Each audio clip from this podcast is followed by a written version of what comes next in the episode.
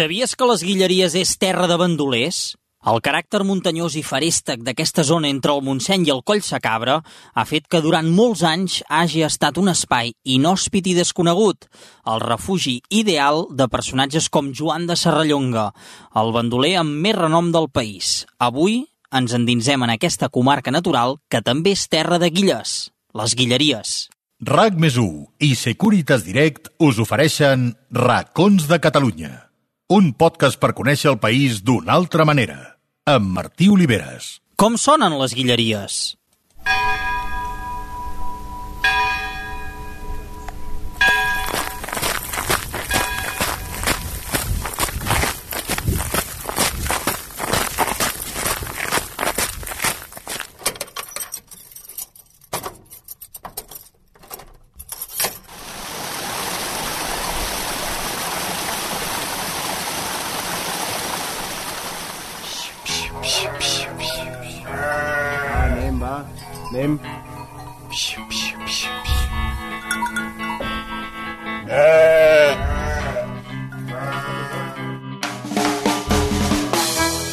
Les Guilleries és un massís situat entre les comarques de la Selva i Osona, a mig camí del Montseny i el Coll Sacabra. És un territori de muntanya repartit entre la serralada transversal i la prelitoral i és travessat pel riu Ter.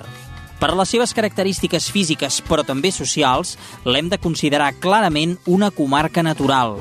Del cor de les Guilleries sortirà que en farà ressorts de guerra a les parets de Tavertet. La seva capital és Sant Hilari Sacalm, el poble més important de les Guilleries, segurament us sona també per l'aigua Fontvella, que és més popularment conegut com la vila de les Cent Fonts, precisament per això que dèiem, perquè l'aigua és una de les seves grans riqueses. Tant és així que se'n compten, atenció, més de 100 de fonts repartides pel seu territori. El poble es troba ubicat al cor de les Guilleries, a més de 800 metres d'alçada sobre el nivell del mar i està envoltat de boscos d'alzines al vessant assolellat i de roures, faig i castanyers al vessant més obac. Torna, torna, Serra Llonga,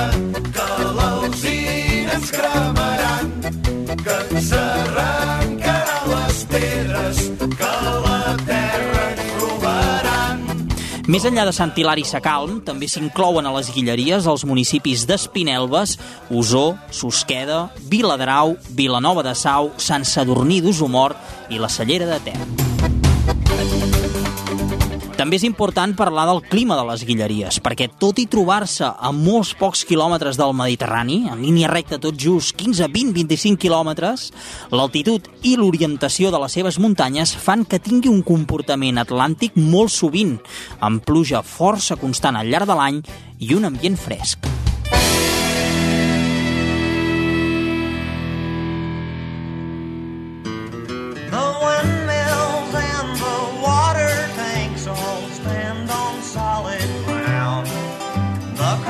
Mireu, sóc a Vilanova de Sau, aquest poble, aquest municipi de la comarca d'Osona, a tocar d'aquest embassament de Sau, entre els cingles de Tavertet, un paratge natural fantàstic, s'ubica aquest petit poble i ara he quedat amb una persona que no és d'aquí però que hi viu i que se l'estima molt, que és la Maria Nicolau, ella és cuinera i hem quedat en aquí, en aquest pedrís d'una casa de, del carrer Gran de, de Vilanova.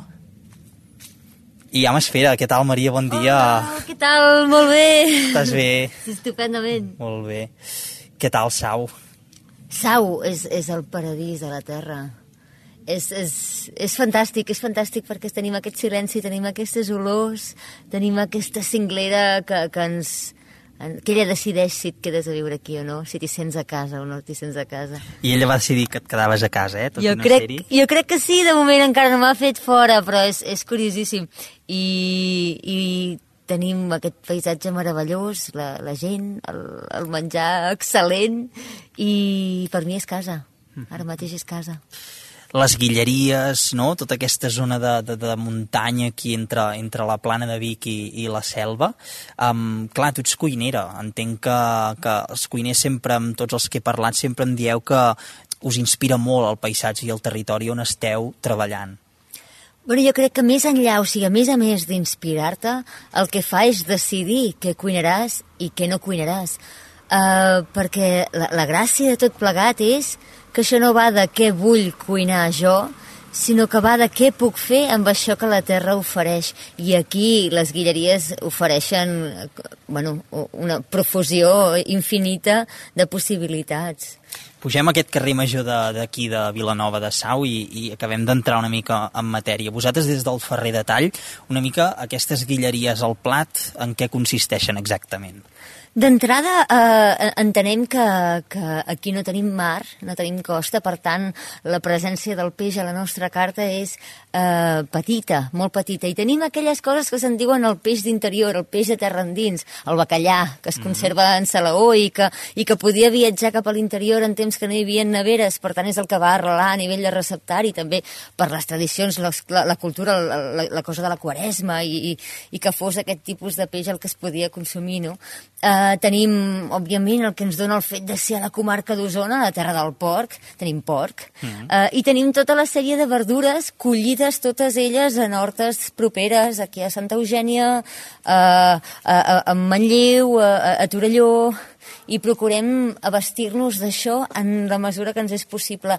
La resta doncs ho complementem, però, però el pal de paller de la nostra cuina és això, és el que la terra sent aquí ens dona. Quan hi ha bolets a tardor mm -hmm. o en temporada de bolets, collim bolets. Quan agafem les herbes dels marges, vull dir que ens ho combinem així.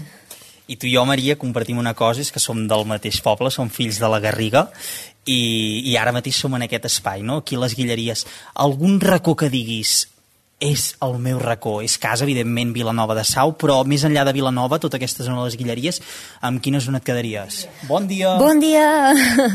doncs, a veure, uh, jo em quedaria sobretot més que la part del pantà, que és on te crida potser més el turisme. Sí. Jo sempre reculo cap a l'altra banda i me'n vaig a mullar els peus de la Riera Major. La Riera Major? Sí. On cau exactament? Uh, la tenim a l'altre cantó del poble, més, més tirant cap a, cap a bueno, bé dins bé d'Arbúcies, de l'altre cantó del Montseny, però ens arriba per aquí i, i bueno, és, és la, la, la vessant ombrívola, diguéssim, del que seria tot el que... Uh, la, la zona de Sau. I hi ha aquestes gorgues, hi ha aquests passeigs... Llavors sempre pots anar a fer senderisme, però a mi anar a la Riera m'agrada, m'agrada. Aquella tranquil·litat, eh? Bueno, i aquest any estem patint una mica perquè està gairebé eixuta del tot i això no havia passat mai en 40 anys.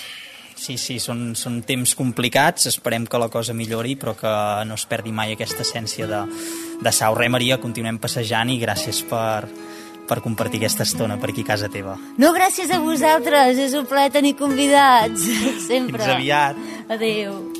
It's okay, you don't have to be afraid. There's nothing to worry about, cause we got it made. Mireu, ara sóc a Sant Hilari Sacalm, la capital, és el cor d'aquesta comarca natural que són les Guilleries, aquí entre el Montseny i, i la zona del Coll Sacabra, la serrada transversal. És aquesta zona de muntanya, un poble que, que fa la funció aquesta, eh, de capital al voltant dels poblets petits, una zona poc poblada, i qui ens ho pot explicar millor doncs, és la gent del poble. I ara mateix doncs, estic passejant per aquí el casc antic de Sant Hilari Sacalm amb dues persones que se l'estimen molt perquè són d'aquí i que també són, eh, si no m'equivoco, de regidoria de, de l'Ajuntament d'aquest poble. En Jordi i en Jordi, perquè estic amb, amb dos Jordis. Què tal, com esteu? Bé, Sant Hilari Sacalm, aquesta, aquesta terra no, de muntanya, aquestes guilleries, què, què diríeu que és el més especial d'aquesta zona, de casa teva? Jordi Rutllant. Jo crec que el més especial que tenim segurament és l'ubicació on estem. Tu has començat dient que estàvem entre el Montseny i el Coll Sacabra, mm -hmm. i realment com a territori som una comarca natural, de fet, no? i com a territori estem molt ben definits i ben delimitats. No? Com deies tu, Montseny, eh, Coll Sacabra, Plana de la Selva, Plana de Vic i Vall de la Riera d'Arbúcies. Vull dir que està molt emmarcat en aquí. En canvi, potser l'home no l'ha sabut encasillar tan bé, no? perquè estem a, a cavall de dues comarques, de dues províncies, de dos bisbats, vull dir que administrativament no s'ha sabut identificar tan bé, no? i en canvi naturalment sí. I aquesta és la particularitat també natural, que el seu emplaçament i la seva ubicació entre dues serralades fa la característica pròpia de les Guilleries, que és la gran diversitat de flora i fauna que té, justament perquè té parts de clima mediterrani i parts de clima atlàntic, no? I això doncs, és el gran valor i patrimoni que tenim. Si fem cas al nom, Guilleries és un topònim molt singular que ens pot fer pensar en una guilla. Va per aquí la cosa o no? Segurament va per aquí. A l'antiguitat, a l'edat mitjana, era muntanyes d'Osona. També allò que et deia abans, eh, que administrativament no, no hem sabut ubicar-lo, també per com, com la societat i com l'administració ha volgut anar quartejant el territori, però quan s'ubicava en un espai era, eren muta muntanyes d'Osona. No? I segurament sí, la gran presència del carnívor de la Guilla, que mira, ara justament amb la Universitat de Vic i Girona, que formem part d'una càtedra es va fer un estudi sobre els carnívors de les guilleries i el carnívor més present en aquí ha estat la guilla amb diferència. I per la gent que vulgui aprofundir més i vulgui conèixer aquest Sant Hilari Sacalm, aquestes guilleries, um, he vist que també feu la fira i tenim el museu aquí al, al casc antic al centre del poble. Sí, nosaltres també ho deies, com a capital de les Guilleries sempre ens hem sentit molt Guilleries, no? Tant, som, som el, el germà gran de les Guilleries, no? Perquè tots nosaltres tenim 5.700 habitants i llavors tots els altres són pobles molt més petits i per tant sempre ens hem vist amb la necessitat de, de ser qui lidera aquest, donar a conèixer aquesta part de país tan, tan desconegut, no? I per això des de sempre hi ha hagut el Museu Guilleries, que posa en coneixement el gran patrimoni natural que tenim, tant de flora com de fauna. I llavors la fira va ser una aposta dels últims anys per intentar doncs, promoure aquest territori com una unitat, que és el que et deia, que està molt ben definida geogràficament, i pensàvem que, que havíem de donar-la a conèixer en la seva totalitat. No tenia sentit que Sant Hilari vulgui anar sol quan el seu gran valor és l'entorn que té, i l'entorn és les guilleries en general. No? I'm going out where the lights don't shine so bright I'm going out where the lights don't shine so bright Mireu, sóc a Sant Hilari Sacalm, a prop del poble, no ben bé al nucli, eh, amb una granja, amb una zona de pagès, un pla preciós, em deien el Pla de les Arenes, perquè és una terra precisament d'això, de sorra, i estic aquí amb, amb l'Albert i amb la Ias, com sentiu de fons també amb la seva colla, eh, que són tots aquests, eh, aquests xais, totes aquestes ovelles. Albert, bon dia, què tal? Quin, quin espai, eh? Bon dia, com estàs? Sí, Molt sí, bé. un espai un espai molt interessant, les Guilleries, sí. Guilleries i ara som a Sant Hilari, a Circus. Qui sou? Què, què és el que és Circus? Sí, avui ets aquí a Circus. Circus, primer tot es diu Circus perquè, com veus, les instal·lacions són desmuntables, és a dir que bueno, si, si fos necessari podem agafar, replegar i anar cap a una altra zona. Nosaltres som propietaris de les ovelles i de les idees i de les instal·lacions, però del terreny no, del territori no. Aleshores, la idea de Circus ve una miqueta per aquí. I a ets, doncs ets en una granja d'ovelles. Aquí fem llet i fem formatge. Formatge de les Guilleries, llet de les Guilleries, i també amb la, amb la Ias, que, que em deies que ets d'Argentina. Sí, fa 13 anys que sóc aquí. Ben amagada aquí dalt. I què tal, què tal les Guilleries? T'agraden o no? Eh, em tracten bé, sí. Et tracten bé? M'han acollit molt bé, sí. M'han fet arrelar aquí. Llavors, ara no sé en quin punt esteu a nivell de, de producció, perquè em deies que feu llet, feu formatge. Sí. Um, com és una mica el vostre dia a dia, el cicle? Doncs mira, això és un, un ramat de pitulletera, per tant, una part de l'any eh, estem munyint i una part de l'any eh, estem cuidant i comercialitzant els formatges, a part de fer totes les altres feines de, del ramat. Uh, ara estem just en el moment, diguéssim, més tranquil per nosaltres perquè ja hem acabat la lactació. Les ovelles han acabat de munyir-se i ara estem just en el moment en què deixem anar els, morra, els marrans perquè es faci la monta. És a dir, els, les muntaran, 5 mesos, pariran, eh, comercialitzarem el xai, que fem xai lletó, i llavors tornar a munyir i tornar a fer formatge. El- el- L'any el dividim amb, amb, aquest, amb aquests 6 mesos per un costat i 6 mesos per l'altre.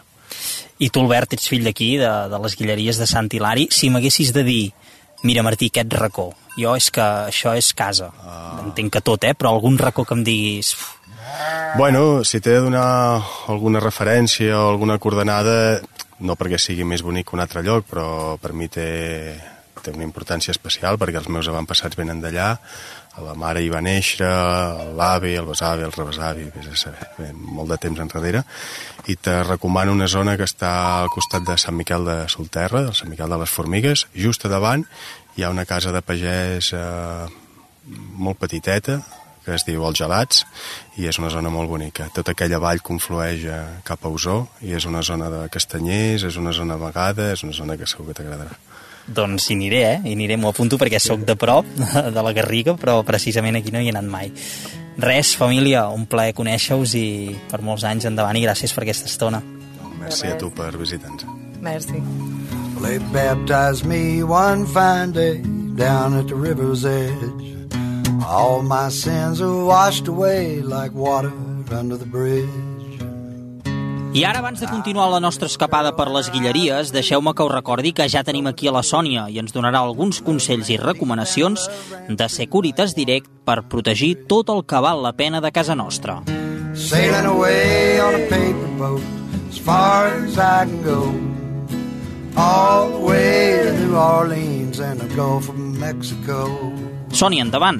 Com esteu? Avui us explicaré com funciona l'alarma de Securitas Direct, perquè estigueu tranquils quan viatgeu a alguns d'aquests indrets tan bonics que ens recomana en Martí, ja que casa vostra i sobretot les vostres pertinences estaran ben protegides.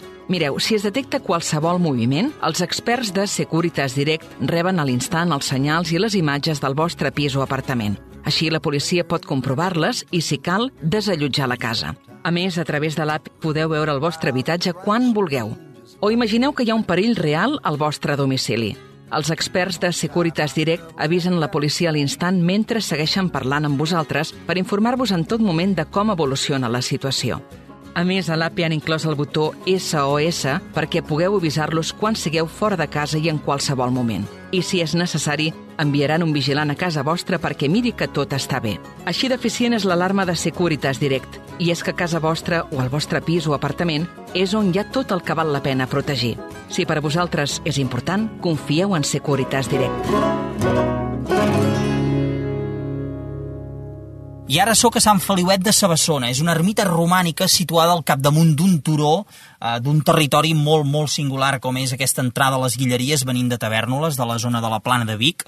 I he quedat a dins amb en Miquel Sauriti Serrallonga. Atenció, ja tenim arrels amb aquest cognom d'en Miquel, que és l'ermità i és un gran coneixedor d'aquesta terra. Som-hi, aviam. Passa, passa. Ei, Miquel, bon dia. Home, germà. Com va anem? això? Germà en dieu, eh? Germà. Germà Escolta'm, quina ermita aquí, aquí dalt. És molt maca, aquesta ermita. On pertany? On estem? Aquí estem a, a Sabassona, o a, o a que havia estat la baronia de Sabassona, i l'ermita és de Sant Feliu, que és el sant que va passar per l'any l'any 300, va venir, que era del nord de l'Àfrica, que va venir a cristianitzar, que, a fer catequesis amb els d'aquí. I escolta'm, tu ets, ets fill de- de- d'aquí? O, o, Jo- o hi vens aquí a fer d'ermità? Jo sóc de Vic i el meu centre, des dels anys 60, s'ha cuidat d'aquesta ermita. Després jo, de l'erm- del d'abans que es cuidava de l'ermita, que era el senyor Mas Ferrer, he heredat els claus i com que jo de jovenet, ja des dels 14 anys, veníem a escalar aquí, a les roques de baix, al final, com que he fet de paleta i he recordat alguna cosa d'obra aquí a l'ermita, fa 30 anys que tinc els claus i em cuido de l'ermita, per tant seria l'ermità a temps parcial. L'ermità a temps parcial. Podeu, podeu comprovar aquesta sonoritat, eh? som a dins, perquè ara comença a plovisquejar una mica, i ara està obrint l'altra porta, És la porta grossa. i ara hem sortit per la porta grossa, i estem en aquest espai, que és molt singular també per les pedres, eh? per, aquests, per aquests gresos, aquestes margues, mm. oi? Sí, són gresos, que són antigues platges, diguem que eren de, de sorra, que són platges de sorra que es van fosilitzar i després la, s'han- a sota és més tou, que són margues, la marga va caient de sota i després hi ha un moment que a dalt, o, o, o l'altiplà, diguem que és de gresos, o hi, o, o hi surt una esquerda i les pedres baixen rodolant a baix, que és el mal, el sacrifici, totes les que pugueu veure a baix. Escolta'm, per què, per què és tan especial per tu aquest, aquest indret? Bueno, és especial perquè de petits ja hi veníem amb els escoltes, podia ser que hi hagués vingut amb els meus pares, després de jovenets hi veníem a escalar, al centre excursionista, a vegades m'he quedat a dormir aquí dalt i és un lloc que el tinc molt proper i especial. A més a més, vull dir, eh, tinc les claus d'una ermita que el tros de darrere de l'absis, que és preromànic, és d'abans de l'any 1000. Això és una, és un bé de Déu poder tenir una cosa tan antiga, no tothom es cuida d'una ermita, encara que aquesta ermita és propietat i tota la zona aquesta és propietat dels del castell, però jo, a mi, vull dir, no m'han dit mai res i sempre n'estic molt d'ells que ens en deixen cuidar-nos a Unió Excursionista. Ara quan arribem aquí, Ara, quan arribem aquí, normalment els hi demano, quan obrim l'ermita, agafo tots els nens petits que hi ha aquí i els hi demano que toquin la campana. Oh, a veure, va.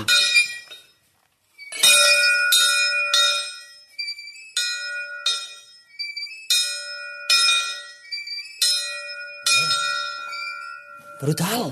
Després els demano Brutal, Miquel. que toquin la campana, començant pels més petits, i després els, els dic que han de tocar a l'hora, o sigui, no poden tocar ni una ni les dues si són a les 10, perquè després ja anem tard o anem d'hora, han de tocar a l'hora com els campanars, si són a les 10 del matí o per allà a les 10, han de tocar 10 campanes. Després si hi ha més nens, allò, mmm, perquè els agrada molt tocar la campana, els hi faig fer el repicó a tots, i van tocant tots els nens la campana i al final acaben tocant els grans. I escolta'm, el, el que m'ha sorprès molt és que eh, se l'ha fet expressament, perquè som a les Guilleries, que és la terra d'en Serrallonga, aquell bandoler, i tu te'n dius. Sí. Què ho fa? No són casualitats de la vida o potser la cosa tiba. El fet de dir-me Serrallonga de segon cognom és allò que per coses meves d'història i que m'agrada conèixer, tinguer coneixement, al final acabes investigant Serrallonga, on vivia, on t'anava, allà on corria, i al final allò ho coneixes i potser és l'hàbit que fa el monjo. Aquí davant, aquí davant hi ha el castell de, el castell de Sabassona i eh, en Serrallonga havia estat al castell. Jo fa, no, fa massa vaig estar allà al castell i, diguem, els meus avantpassats segurament hi havien estat. Potser per això eh, sí. el fet de dir-te així sí. t'ha transmès aquesta essència sí. i la manera de ser, no? Sí. I, igual el, el sí. nom, no? T'ha sí. acabat sí. Sí. fent la persona sí. que ets. L'hàbit fa el monjo. Sí, sí. L'hàbit fa el monjo. Doncs res, Miquel, eh, escolta, seguim fent una volteta per aquí, perquè això és fantàstic, i des d'aquí podem continuar explicant una mica tot el, el que ens ofereix aquest, aquest Sant Feliuet de Sabassona i totes les vistes, eh? Va, doncs som-hi!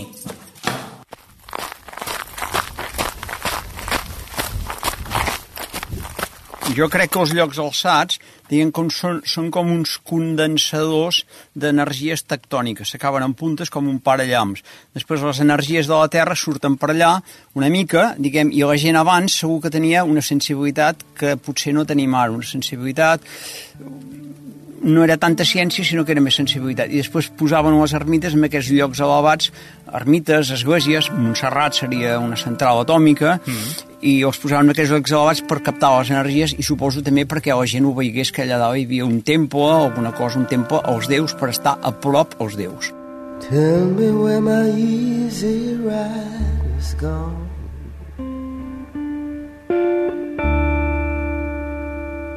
I ara sóc a Tavernoles, ben bé al, al nucli antic, eh, al costat de, de l'església romànica d'aquest poble d'Osona, que està a la porta d'entrada de l'espai natural Guilleria Sabassona. Per tant, és un bon accés per anar cap a aquesta zona. I sóc al pati de casa d'una família que, que viuen aquí i que ella és historiadora. A veure si estan per aquí dins. Ara us els presento. Què tal? Hola, Martí. Bon dia. Com va això? Tot bé? Merci, eh? Entra, entra. Molt bé, doncs som aquí, no?, a, a Can Garriga i Collell de Mont. Sí, benvingut. Molt bé, i també tenim el petit, eh? I un altre Martí. Martí. Què, Martí? Martí? I tant. Oi, tal? Molt bé. Vols seure? Doncs res, Vols que sí. una mica? Perfecte. Eli, tu ets, uh, tu ets d'aquí, de la Plana, no? Sí. I, I em deies historiadora i, i entenc que aquest món de, de la Plana, de les Guilleries, et, et toca de prop, no?, amb el teu sector. Sí, totalment, perquè jo em vaig, mira, em vaig especialitzar una mica per casualitats de la vida en bandolerisme. Bandol... Mm, Perfecte, perquè Serrallonga i tot el que l'envolta, aquest territori. Jo era, eh, bueno, vivia a Manlleu i al començar amb això doncs em sortia un personatge molt recurrent, no?, que era el Toni Vila, baró de Sabassona. Val. perquè doncs, estava molt enfrontat amb un bandoler que jo en aquells moments estava estudiant, que vivia entre Manlleu i Vic. I a partir d'aquí vaig entrar una mica en el món del bandolerisme. I entrar en el món del bandolerisme és entrar a les guilleries, totalment de ple. Primer perquè això a final del 16 hi ha aquest personatge, Antoni Vila i Carles de Vilademany, són els capitostos nyerros més importants. Mm -hmm. Més endavant llavors ens arriba en Serrallonga, eh? Més a, a... Val, per tant, la gent pensarà Guilleries Serrallonga, però no, abans No. ens hem de situar. Prèviament. És que amb el bandolerisme hi ha algunes coses que a vegades les hem d'explicar, perquè tenim tant la imatge aquella mitificada del, mm. del bandoler que roba per donar-ho, una mica el Robin Hood català, Val. i a la que et poses a estudiar-ho no és ben bé així. Veus que cap i a la fi eh, és més com unes elites de poder que utilitzen tota una gent del territori lligats amb ells a través de les terres doncs, per fer aquests actes i per, per aconseguir més poder. Llavors, eh, val la pena diferenciar a vegades que hi ha uns senyors bandolers i uns bandolers de camí ral, que en podríem dir. En Serra Llonga era més bandoler de camí ral, es queda al marge de la, de, de la llei i fa això. Però Antoni, Vil, de, Antoni Vila i en Carles de Vilademany són senyors bandolers. I aquests, doncs, uh, són els que maneguen les cireres cap i a la fi. I Baró de Sabassona, llavors, aquest territori està superenvoltat d'aquesta d'aquestes... diries que és un dels, dels pocs espais, potser, de, de Catalunya que combina a, a, aquest afer històric amb, amb tot aquest paisatge tan feréstec, té, li veus relació, no? Totalment. O sigui, jo penso que podem parlar tant de bandolerisme a les Guilleries per la seva, per la seva orografia.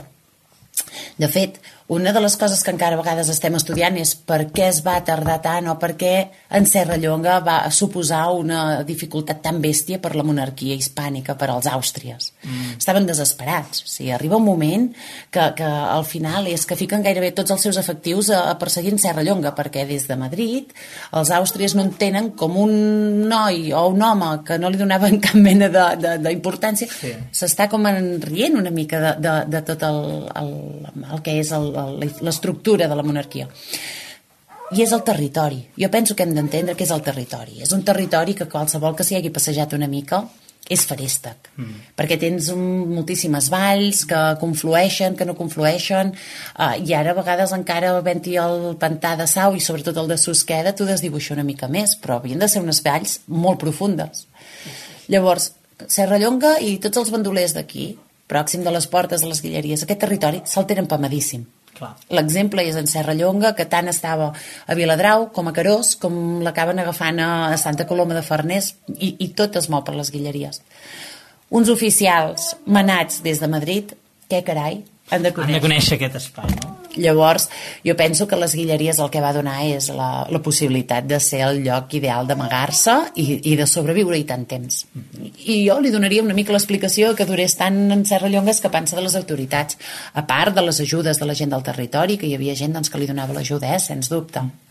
Um, què, què els hi diries a, aquella, a aquelles persones que, que no coneixen les guilleries, que no són aquí, uh, però que tenen ganes, no? que els hi hem despertat la curiositat per entrar en aquest món, en aquest territori i el bandolerisme?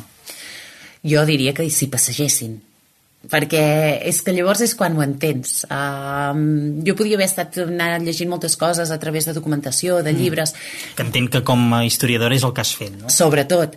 Però sí que en el moment en què m'hi he passejat m'ha donat la visió de poder entendre una mica aquella època no? A vegades una mica el que pequem tots quan teoritzem mm. és que ho fem molt doncs, des de o despatxos o des d'arxius en el meu cas i passejar és el millor. Hi han doncs, excursions que des d'una mica d'alçada poder veure les guilleries et, et permet entendre moltíssim.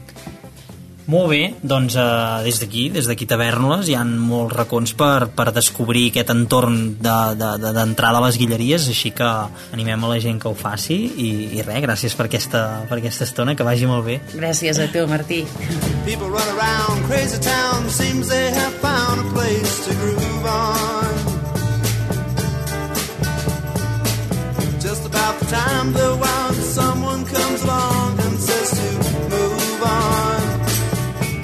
aquest 21è capítol hem passejat per les Guilleries, un territori de muntanya entre la selva i Osona, on el seu cor amb prou feines hi viuen cap a 10.000 habitants una petita comarca natural on l'aigua brolla per tots cantons i on de vegades costa d'entrar-hi, per tractar-se bàsicament d'una zona farèstega, molt sovint de passada, de grans vies de comunicació com és l'eix transversal, aquesta C25 de Girona cap a la Catalunya central.